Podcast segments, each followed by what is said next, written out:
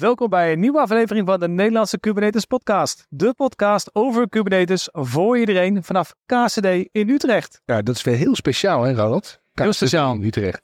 En dit is natuurlijk Jan Stomporst. Hallo, Ronald. Hoi. Ronald.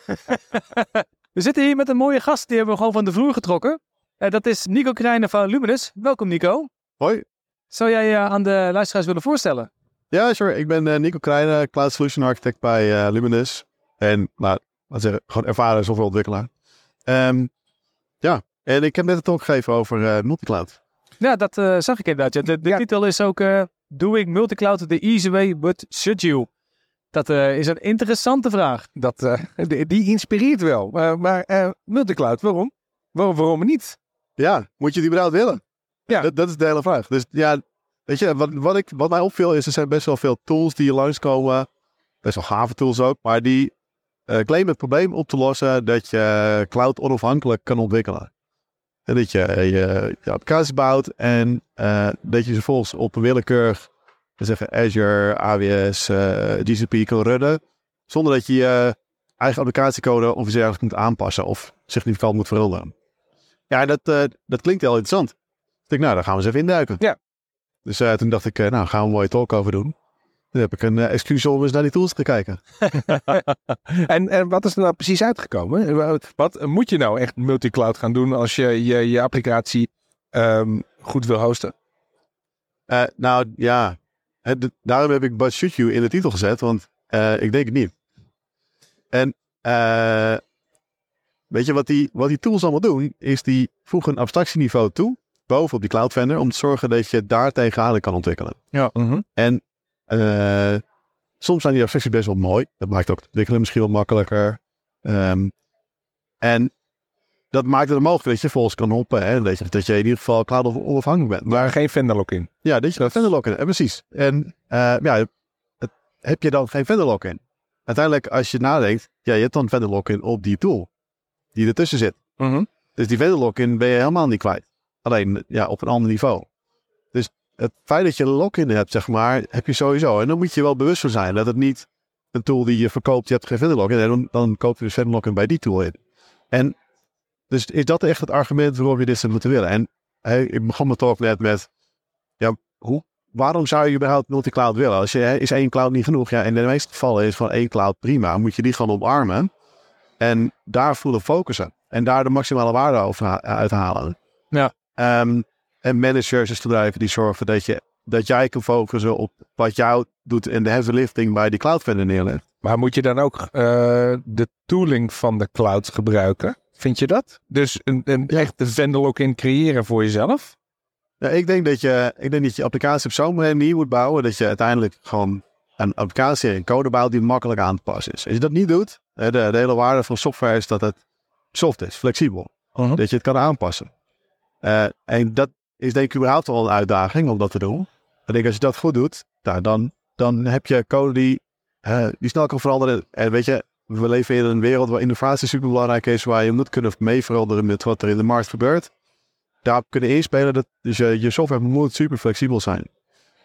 Eh, dus dat wil je, daar wil je focussen. Ja, wat is dan het probleem op moment dat jij van, eh, van de ene verder naar de andere wil, dat je dat moet veranderen? Dat betekent dat je software dat, dat die verandering aan moet kunnen. En het zal wel erg zijn. Dus dat kost dan. als je op een gegeven moment denkt, ja, deze vendor, die, daar ben ik mee bezig en ik heb me daarop gefocust de afgelopen tijd. Maar er is niet toch een hele belangrijke reden waarom ik naar een andere toe moet. Dan ga je dat met investeren om dat te doen. En het heeft niet zo heel veel zin om die investering al heel lang van tevoren te gaan doen. En de hele tijd een soort extra effort te doen om die, die cloud neutrality in leven te houden. Terwijl al die tijd die je, die daarin spendeert, over al die jaren wij spreken, die, dat is tijd die je niet kan stoppen in eh, waarde toevoegen in, in je applicatie. In, in echt waar jij eh, differentiating. Ja, je bekijkt hem dus echt vanaf de andere kant. Dus vanuit ja, uit de software developer, niet vanuit eh, de system en je, of de, Ja. de, operations kant. Dat is ook mijn achtergrond. Aan de andere kant, ja, als je kijkt naar die abstracties die je, waar je dan bovenop bouwt. die abstracties, die, die claimen dat je dan dus niet meer zorgen hoeft te maken over wat eronder ligt. Maar wel, ik heb ook wat applicatie in productie gedraaid. Echt, dan leer je dat de operationele karakteristieken van je software, die hebben heel veel te maken wat, met de hele stack. Dus je frontend, je backend en ook de infrastructuur. En die infrastructuur die is bij de ene cloud gedraagt zich echt wel anders dan bij de anderen. Zeker. Ja, zeker. Ja. En dus als jij dan zegt, ja, ik, ik plak er een laagje bovenop die dat voor me weg abstraheert. En ik bouw gewoon lekker daarop. En ik ga gewoon, ik ga op een gegeven moment wisselen. Ja, dan is het natuurlijk, het is een soort wassen neus dat dan je operational characteristics hetzelfde blijven. Die worden natuurlijk heel anders. En dan moet je opeens ook heel veel kennis hebben van eh, hoe de, de onderliggende infrastructuur bij die cloud zich gedraagt. In jouw situatie. Dus wil je dat goed kunnen managen, wil je die operationele characteristics ook onder controle hebben, dan moet je dus eigenlijk continu op alle clouds waar je op zou willen draaien, moet je gaan draaien, moet je de operational kennis opbouwen. Je moet dat leven, zeg maar. En, en dan ben je er klaar voor om Makkelijk te switchen. makkelijk te switchen. Maar hoeveel moeite is dat? En is het dat waard? Als je die, hè, voor de duidelijkheid, als je het niet hoeft te doen. Er zijn heel veel gevallen waarbij je het vanwege regulatory compliance, whatever, waar je het gewoon moet doen. En dan heb je geen keuze. Dus dan, dan heb je het gewoon mee te dealen en dan kost het gewoon tijd en geld. Ja, daar kan je niet omheen. Nee. Maar als je de keuze hebt en het hoeft niet per se. Ja, en daar wil ik mensen meer bewust van maken. Dat ze dan beseffen dat ze, dat is, ja, dat ze die keuze zelf hebben. En dat ze een strategie moeten ontwikkelen. Een cloud-strategie waar je nadenkt of je, en wat je doet. Ga je op één vendor, op één cloud vendor focussen en gewoon daar al je kracht inzetten. En echt focussen dat je je eigen unieke waarde gaat bouwen. Eh, en zoveel mogelijk die managed services en inderdaad de tooling van, de, van die vendor gebruiken, et cetera. Mhm. Eh, want die helpen je wel. Of ga je inderdaad je vendor neutrality, zeg maar, eh, eh, cloud neutrality eh, hoog houden. Maar wat brengt je dat dan? Ja, maar heel veel mensen zijn natuurlijk heel erg bang voor. Oh, dan gebruik je al die tools. Dan heb je vendor lock-in. En dat is natuurlijk het magische woord. Vendor lock-in. Dan, Ja. En dan, eh, dan ben, je- ben je weg. Ja, wij zitten ook even te denken, want we hebben het nu natuurlijk over mul- multicloud, maar er bestaat ook nog iets als hybrid cloud natuurlijk. Zo. Is er is Ja. er ook iets waar je naar gekeken hebt? Ja, maar- Ja, nou, ik heb, voor deze talk heb ik wel hybrid cloud ex- expres een beetje buiten scope gehouden. Eh, puur over echt eh, over Azure, Google, eh AWS. Stel dat je, eh, dat je keuzes zijn, zeg maar. Mhm. Eh, ik denk als je ook on-prem erbij trekt.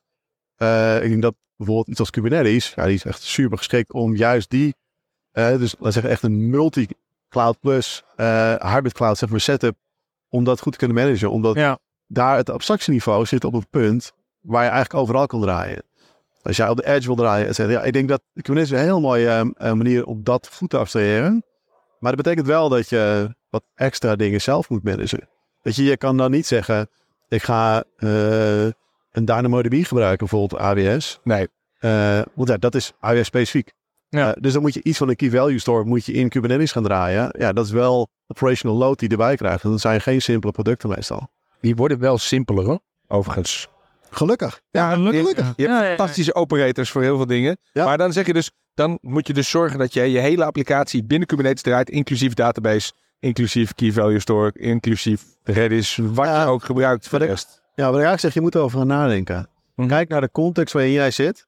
Wat is voor jou het meest belangrijk? Waar heeft jouw business het meest aan? En ga dan kijken, oké, wat als ik dat terugvertaal naar, eh, naar waar zit de waarde eh, en welke technologie kunnen we daar het best bij gebruiken? Ik denk dat je in heel veel gevallen veel beter gewoon de tooling van de cloud kan gebruiken waar je dan toch al op zit. Want die, die, die vendor lock-in heb je daar toch al. Ja. Daar ontkom je toch niet aan. Nou, omarm het dan gewoon en take the red pill of the blue pill. En dan, maar ga er gewoon vol voor. En dan, dan als je die mindset dan eenmaal neemt, dan ga je ook anders ernaar kijken. En dan ga je, ga je veel meer waarde uit die cloud halen. Terwijl als je dat heel erg probeert om, om steeds maar bij je weg te houden, terwijl het niet hoeft. Hè, dat, dat is de, als dat de context is dat het niet hoeft. Mhm. Maar je, je doet het wel. Ja, dat is gewoon zo zonde. Terwijl als jij een strategie maakt en je komt erachter bij het maken van die strategie. Ja, het is voor ons super belangrijk dat we niet helemaal afhankelijk zijn van, laat zeggen, AWS. Maar we, hebben, we willen ook dat we het, we zeggen, eh, backups doen ergens anders. Ja, dat lijkt me heel logisch, zeg maar. Een soort Ja. proces. Maar dat is iets anders dan dat je je hele workload, zeg maar, eh, moet kunnen overhoppen, zeg maar. Nee, dat begrijp ik. Dus als je, eh, dus als je het, het moet vanuit de organisatie, dan is het slim om daar eh, aandacht aan te besteden. En anders gewoon puur voor je snelheid moet je het niet doen. En ehm, welke cloud vind je het fijnste? vind je geen cloud het fijnst? Nee, nee, ik vind, ik vind, eh, ja, ik heb er eentje die ik echt god fijn vind. Welke is dat? Ja, dat is AWS. ja, en, Ja. en waarom dan? Ja, Wij hebben geen voorkeur, hè? Dus we- Nee, dat is nee, wij zijn neutraal. nee, dat mag. Maar ik, ik mag wel een voorkeur hebben. Ja, ja, ja. Eh, ik heb ook altijd Azure gewerkt. Eh, Google heb ik niet zoveel ervaring mee. Dan kan ik niet echt een oordeel over vellen. Oh. Maar als ik naar AWS kijk, weet je, ik zit veel eh, in het veld waar, waar we op kaart proberen te behouden die innovatief zijn, waar we echt focussen op, op klanten helpen om echt ja, de, de volgende stap in hun markt te zetten. Ja, dan is snelheid zo belangrijk. En dan is eh, de, de tooling die je denk AWS je biedt, zijn, zijn lopen gewoon echt voor op wat ze doen. En de kwaliteit van het netwerk, de snelheid van het netwerk, het is gewoon ongeëvenaard. Dus je, je kan gewoon stuk gave dingen bouwen met zoveel wat AWS voor je kan wegnemen, waardoor je echt kan focussen op dat business domein van die klant. Ja, dat vind ik gewoon heel gaaf. En daar gaat mijn voorkeur in die context zeg maar naartoe. Mhm. Dus als je innovatief bezig wil zijn, ja, dan zou ik zeggen ga, eh, ga voor AWS. En stel jij, jij runt alleen maar, eh, dat is een beetje denigrerend, maar je runt alleen maar wat simpele containertjes die niet heel spannend zijn. En eh, je hoeft helemaal niet, je wil gewoon een applicatie runnen en het hoeft helemaal niet innovatief te zijn. Je moet, het moet gewoon draaien. Ja. Je wil je gewoon de administratie draaien. Ja, ga dat gewoon lekker op, eh, op de goedkoopste cloud doen die je kan vinden. Dat boeit niet. Er zijn al die vendors zijn prima. Wil jij de wereld van Kubernetes veroveren? Of ben jij die held die alle klanten wil redden? Bij ACC ICT gaan we de uitdaging aan. Wij vechten met onze collega's tegen het Kubernetes onrecht. Dus wees niet bang en help ons naar een mooie cloud native wereld. Ga naar werkenbij.accict.com en word een Kubernetes hero. Hey Jan, ik heb echt een leuk idee. Hoe zou je het vinden om in een nieuwe rubriek vragen te beantwoorden van onze luisteraars? Nou, dat zou ik wel super tof vinden. Ik hoop dat ze wel dan echt hele leuke, moeilijke vragen aan me gaan stellen. Nou, dat komt vast goed. Dus heb je een vraag aan mij of Jan? Stuur deze naar vragen.k8spodcast.nl en wie weet beantwoorden we jouw vraag in de volgende aflevering. Nee, en, en als je in AWS gaat draaien, je, je zei natuurlijk, ik, ik zou dan de tooling van dat bedrijf gebruiken, of in ieder geval van die cloud. Zou je dan een Fargate gaan, gaan adapteren? Of zou, zou je zo'n zo'n hogere laag van abstractie gebruiken? Ja, dat hangt, er van, dat hangt er vanaf wat je nodig hebt. Dus eh, eh, ik zou, eh, als ik event-based dingen doe, dan zou ik event-based tussen gooien waarschijnlijk. Of SPS, uh, SNS, dat soort dingen. Als ik een stukje logica heb wat ik moet hebben, dan gaat het typisch in landen. Maar als ik het iets heb wat heel erg low latency moet zijn, dan ga ik het niet in landen zetten. Want ik, dan heb je toch het veel als je, uh, ja, latency is iets hoger zeg maar. Dan ga ik gewoon een, een variate container draaien. Oké. Als ik iets heb, dus het hangt af van, de, van het geval of wat je nodig hebt. Dus maar er zijn zoveel smaken en tools uh, binnen zo'n cloud vendor. En dat zie je bij de andere vendors ook hoor. Uh, ja, je moet dat op een gegeven moment een beetje feeling voor krijgen voor welke is nou het meest geschikt voor wat je probeert te doen. Ja, en soms verandert het ook. Hè. Soms bouw je eerst iets uh, in een land hè, en dan kom je er later achter dat je, je traffic toch anders is. En dat je gewoon een continue load hebt in plaats van af en toe piekjes. Ja, dan is het handiger om het in een container te gaan draaien. Dan moet je het gewoon kunnen, kunnen overhevelen. En dan is het denk ik wel weer handig om je software zo te bouwen dat je dat soort veranderingen aan kan. Dus dat had ik me toch ook een voorbeeldje van laten zien hoe je dat kan. Terwijl je wel gewoon de tooling van de, van de, de gebruikt. En dat het dan nog steeds ook best wel te doen is. Maar een, een keuze voor de tooling of, of, of de dienst die je gaat gebruiken, is nog steeds een beetje een vingerspitsengevoel. Het is een onderbuikgevoel. Ja, ervaring. Ervaring. In de ervaring, ja, denk het wel. Ja, de, de, en juist omdat het, zo, omdat het zoveel is, zeg maar. En, dat, en omdat denk die operationele karakters, uh, karakteristieken zo belangrijk zijn. Ja, en die, weet je, je kan een certificering doen, maar daar leer je, die, daar leer je dat niet in. Nee. Nee, dat leer je door met zo'n uh, service te werken. Dus ja, als jij een tijdje met Fargate uh, werkt, dan weet je precies hoe hij zich gedraagt. En als je een tijdje met uh, EC2 gewerkt hebt, dan weet je dat hij in één regio dat het langer duurt om een machine te krijgen dan in een andere regio, omdat hij gewoon drukker is. Dus dat soort dingen, ja, dat leer je door ervaring. Dat, dat leer je niet uh, doordat een, uh, dat iemand een uh, papiertje met een cheat sheet. nee, precies. Lekker serieus. Je hebt inmiddels hoeveel? 16 of meer manieren om containers te runnen in de AWS. Ja, oké, okay, dus zijn allemaal vast prima. Maar voor de ene case moet je de ene, voor de andere case moet je de andere hebben. Ja, precies. En het is ook niet erg om gewoon meteen te beginnen. En dan daar te gaan draaien. En dan gaandeweg te ontdekken, ja, het werkt niet nou. Pas je het aan. Focus op dat je makkelijk dingen kan aanpassen. En, uh, en bied je niet zo vast op, uh, het moet van nu tot eeuwig, uh, is dit de keuze die ik gemaakt heb. Een goede architect, die houdt je opties open. Mm -hmm. Dan zou je denken, ja, dus moet je geen vendor kunnen hebben. ja, ik, ik wou net zeggen. Vraag nou ja, de architect zit hier, daar zit erbij. Dus inderdaad ook. Ja, dus, ja, dus, maar dan, dan denk ik, ja, uiteindelijk moet je ook wel een balans zien te vinden. He, dus uh, uh, accepteer ook gewoon de situatie die is. En probeer de waarde eruit te halen die erin zit. En... Nou, dat, dat is best lastig, hè? Want kijk, een, een, een klant wil graag uh, zeggen, die, die komt naar jou toe en zegt, ja, ik wil graag mijn applicatie hebben draaien en die heeft eh, x uur daarvoor. En hoe ga je dan verkopen dat je volledig het verkeerde hebt gedaan? Althans, tussen haakjes, eh, dat dat minder performt. En dat je het opnieuw moet bouwen. Hoe ga je dat dan aan de klant verkopen? Ja, moeilijk. Ja. Ja. dus daarom, daarom moet je, eh, nou, en, en ik heb zelf de ervaring niet. Ja, dan ga ik gewoon naar iemand toe waarvan ik weet dat hij die ervaring wel heeft. We hebben wat we noemen een technisch geweten binnen ons, eh, ons bedrijf. Dat is een hele mooie plek waar je neer kan leggen. Dat soort orgaan, verschillende mensen, dat wist het af en toe een beetje. Maar die, die, eh, die kijken mee met projecten van nou, worden dingen goed opgezet? Eh, denken we erover na? Ja, en daar, daar, ja, daar, dat geheel zeg maar, heeft veel meer kennis dan ik in mijn eentje kunnen hebben. Ja, dat helpt denk ik al heel erg om te zorgen dat je dat soort fouten niet zo snel maakt. En omdat je op de kennis, kennis en ervaring van anderen kan leunen. Ja, ik denk dat je dat ook moet gebruiken. Dus je moet ook niet ervan uitgaan dat je zelf die keuze perfect kan maken. Je moet gewoon altijd sparren met anderen. En, eh, en zorgen dat je ja, uiteindelijk die ervaring met z'n allen goed opbouwt en, eh, en dan ook gebruikt. Ja, want dat was eigenlijk een beetje een vervolgvraag daarin. Zo van, goh, ehm, is, je, je hebt het over ervaring, wat super is. Maar wat nou als ik nieuw ben en ik ga met AWS beginnen? Waar ga ik dan beginnen? Of Ja. maar, maakt niet uit welke cloud. Waar, waar ga ik dan beginnen? Good luck. Ja, Ja, als jij met AWS begint, dat, dat is inmiddels zo mega. Ja, ik bedoel, je kan zeggen, ga eens wat, conte eh, wat containers draaien. Of wat, ja, het hangt heel vanaf wat je wil doen. Ik denk, mensen die met AWS beginnen. Nou, een van de dingen die ik liet zien in mijn, in mijn talk is Winglang. Het is een, eh, programmeertaal die eh, recent eh, gebouwd is. Iemand die CDK eh, opgebouwd heeft, eh, of meegeholpen heeft aan de CDK eh, eh, destijds. En die is daar op een gegeven moment eh, gestopt. En die is iets anders gaan doen. En die is dus een nieuwe, nieuwe taal gaan bedenken die bedoeld is om cloud native te zijn. Dus een, ik weet niet of we nou een nieuwe programmeertaal voor nodig hebben, maar in ieder geval het idee is, we hebben er ook zoveel. ja, we hebben nog genoeg. Maar eh, het is een, een taal waar je de eigen infrastructuur en de runtime code door elkaar heen mixt. Ja, het klinkt een beetje gek, maar eh, ik heb een beetje mee gespeeld en het werkt echt super fijn. Oké. En dus je, je maakt een bucket aan en dan eh, zeg je nou, als er iets verandert in die bucket, dan wil ik hier een functie aanroepen. En dan definieer je je functie met wat dit gaat doen. En hij splitst het zelf op in configuraties voor het bucket en een lambda die die deployt met die functie erin. En ja, dat werkt best wel vet. En, en zeg maar, zo'n local simulator, het, dus hij genereert automatisch een eh, grafische representatie van wat je aan het doen bent. Dus ik denk, als je met iets als AWS gaat beginnen en je wil gaan snappen hoe al die building blocks, al die Lego blokjes die je hebt, zeg maar, hoe die in elkaar passen. En hoe je daar applicaties mee kan bouwen. Nou, dan kan je met zoiets beginnen. Dit ga je nooit, dat- het is niet volwassen nog om in productie te draaien, maar om het te leren is het super gaaf.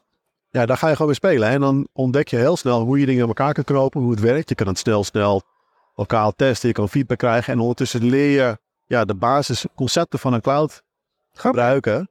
Eh, ja, en als je dat dan helemaal door hebt, nou, dan ga je eens wat eh, trainingen doen en dan ga je eens met andere applicatie bouwen en dan leer je het wel. Ja, maar dat is iets anders dan eh Kotlin. Dat is dat ik zeg, zet even te, te googlen. Je hebt, daar, je hebt daar ook wat mee gedaan, maar dat is ook een framework. Eh Kotlin, Kotlin is een programmeertaal. En ik heb inderdaad een talk over event sourcing gegeven en hoe je dat doet met Kotlin. Eh, ja, Kotlin is een programmeertaal. Ja, Kotlin zou ik dan eh, als voorbeeld, dat is weer heel geschikt om in containers te draaien bijvoorbeeld. Oké. Ehm, of in lambda's kan ook. Maar ja, vooral in containers denk ik is een heel mooie case voor. Oké, ja, ik kende het nog niet. Kende jij het al? Ja, ja, ja, ik ken het wel. Oké, jij kent het wel, het wordt niet heel veel gebruikt. Althans, niet, niet eh, in, Ja, dat dacht jij. Ja, dat- in de community. in mijn community. Ja, in mijn community wel. Ja. ja, dus eh, uit 2021 was de eerste Kotlin Dev Day in Nederland. En daar had ik eh, ook, ook een praatje gegeven. En, ik, ik dacht, ja, klopt, dat weet je. Dat is, ik, ik vond het zelf een mooie taal. taal ik heb best wel dingen, dingen in gedaan ook toen al. En ik had gezegd, dit wordt vooral gebruikt in, eh, in Android. Daar, komt het, daar is het heel populair. Oké. Ehm, ik gebruik het vooral in backend, dat vond het daar ook heel fijn werkt. En wat mij verbaasde is dat die community in Nederland is best wel groot. En iedereen gebruikt dit in backend. Grote banken gebruiken. het. Dus Oké. echt op allerlei plekken wordt het wel ingezet. Echt, eh, ook plekken waar je ziet dat ja, veel populair was. En er zijn best wel veel plekken in Nederland. Ja, daar is Kotlin heel snel gegroeid. En heeft heel veel eh tractie gekre- ge- gekregen. En ik denk goed ook, omdat het is echt wel een next level evolution van wat je met Java kon. Op hetzelfde platform, zeg maar, integreert af met, eh, met je Java-ecosysteem. Maar Ja, ja. vervolgens helpt het je om, eh, ja, eigenlijk makkelijker goede code te schrijven. Ja, daar ben ik altijd voorstander van. Nou ja, de- om eh, even naar onze laatste vraag eh, toe te werken. Dus eh trap jij hem af, eh, Jan? Nou ja, kijk, eh, onze laatste vraag is altijd: eh, wat brengt de toekomst van Kubernetes? Oeh, dat is een goeie. Ja, Dat zeggen ze ook put you allemaal. on the spot hier zo. Nou, een van de dingen die ik heel, heel gaaf vind in het veld is eh, de ontwikkeling rondom Open Telemetry en observability. En ik denk dat Kubernetes daar, juist omdat het een abstractie op een bepaald niveau legt, daar en eh, daar, ja, je ziet in het ecosysteem dat het heel goed opgepakt wordt. Ja, ik denk, snappen hoe je operationele karakteristieken van je, van je systeem zijn is zo belangrijk. Daar inzicht in krijgen. Ja, en Open Telemetry is gewoon daar zoveel bezig om dat zeg maar te verbeteren. Ja, dus dat vind ik echt wel eh, eh, gaaf om te zien hoe dat zich over het afgelopen jaar.